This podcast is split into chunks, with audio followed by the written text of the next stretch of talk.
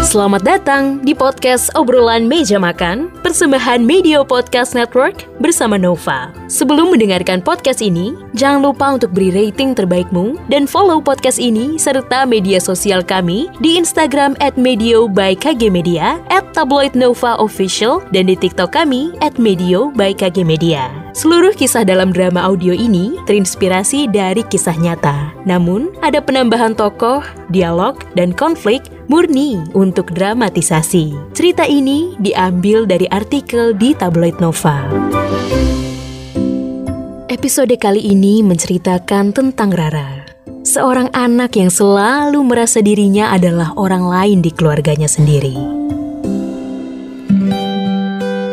Terkadang, Rara pernah berpikir beberapa hal yang ujungnya akan menyiksa diri sendiri. Pertanyaan yang seringnya menyakiti hati soal apakah ibunya membenci dirinya? Karena Rara seringnya tidak merasakan kasih sayang dari sosok ibu kandung. Puncak kejadian terjadi saat akhirnya Rara bisa membela dirinya sendiri di hadapan keluarga.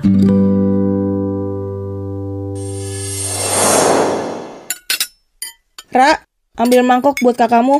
Ambilin jus mangga gue juga ya, Ra.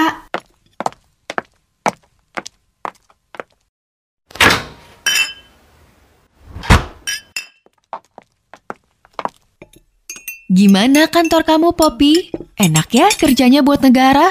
Terjamin terus pasti. Ya enak sih Eyang, tapi ya gitu, monoton. Kerjanya gitu-gitu terus. Monoton, tapi kan gak mikir bakal di PHK. Iya, bener. Rara aku suruh daftar jadi PNS malah nggak mau. Sekarang gimana tuh? Kerja malah kayak pengangguran. Gak kelihatan kerja sama sekali.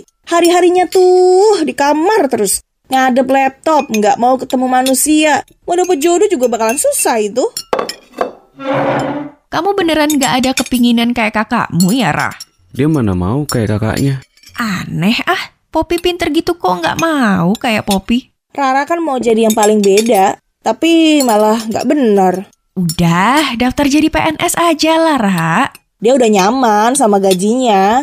Gaji banyak, tapi bisa di PHK kapan aja. Ya, buat apaan tuh kayak gitu? Bulan depan ada pendaftaran kayaknya. Kamu mau ikut, Ra?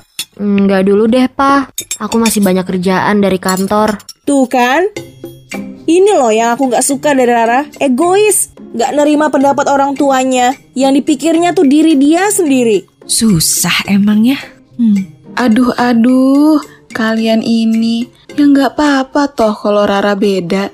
Kalau semua anakmu jadi PNS ya nggak seru. Nggak gitu loh, Bu. Yang aku pikirin tuh masa depan dia. Kenapa sama masa depannya Rara? Jodohnya, Bu.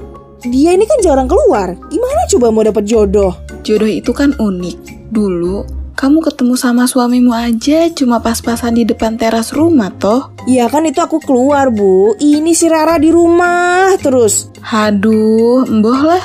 Sekarang aku tahu kalau anakmu ada yang keras kepala itu turun dari siapa. Ibu, Tapi yang dikhawatirkan sama Mbak Mayang bener kok, Bu. Masa iya Rara mau sampai umur 50 tahun ngadep laptop terus? Enggak kok, Tante. Rencananya gaji Rara ini mau ditabung buat modal usaha. Iya kalau berhasil. Kalau enggak, usaha itu kan bisa ngalami gulung tikar juga. Makanya Rara masih riset kok, Tante. Kalau enggak PNS ya BUMN lah. Coba Pernah aku coba, Tan, tapi belum rezekinya. ya iya. Orang kamu sama kakakmu aja masih pintar kakakmu. Masuk BUMN kan sama susahnya. PNS aja kamu pernah gagal. Sekali-kali coba lagi aja, Ra. Kan gue nggak mau kayak lo, Pop. Rara, panggil kakakmu yang benar. Males. Rara, Cerita ini akan bersambung di part kedua.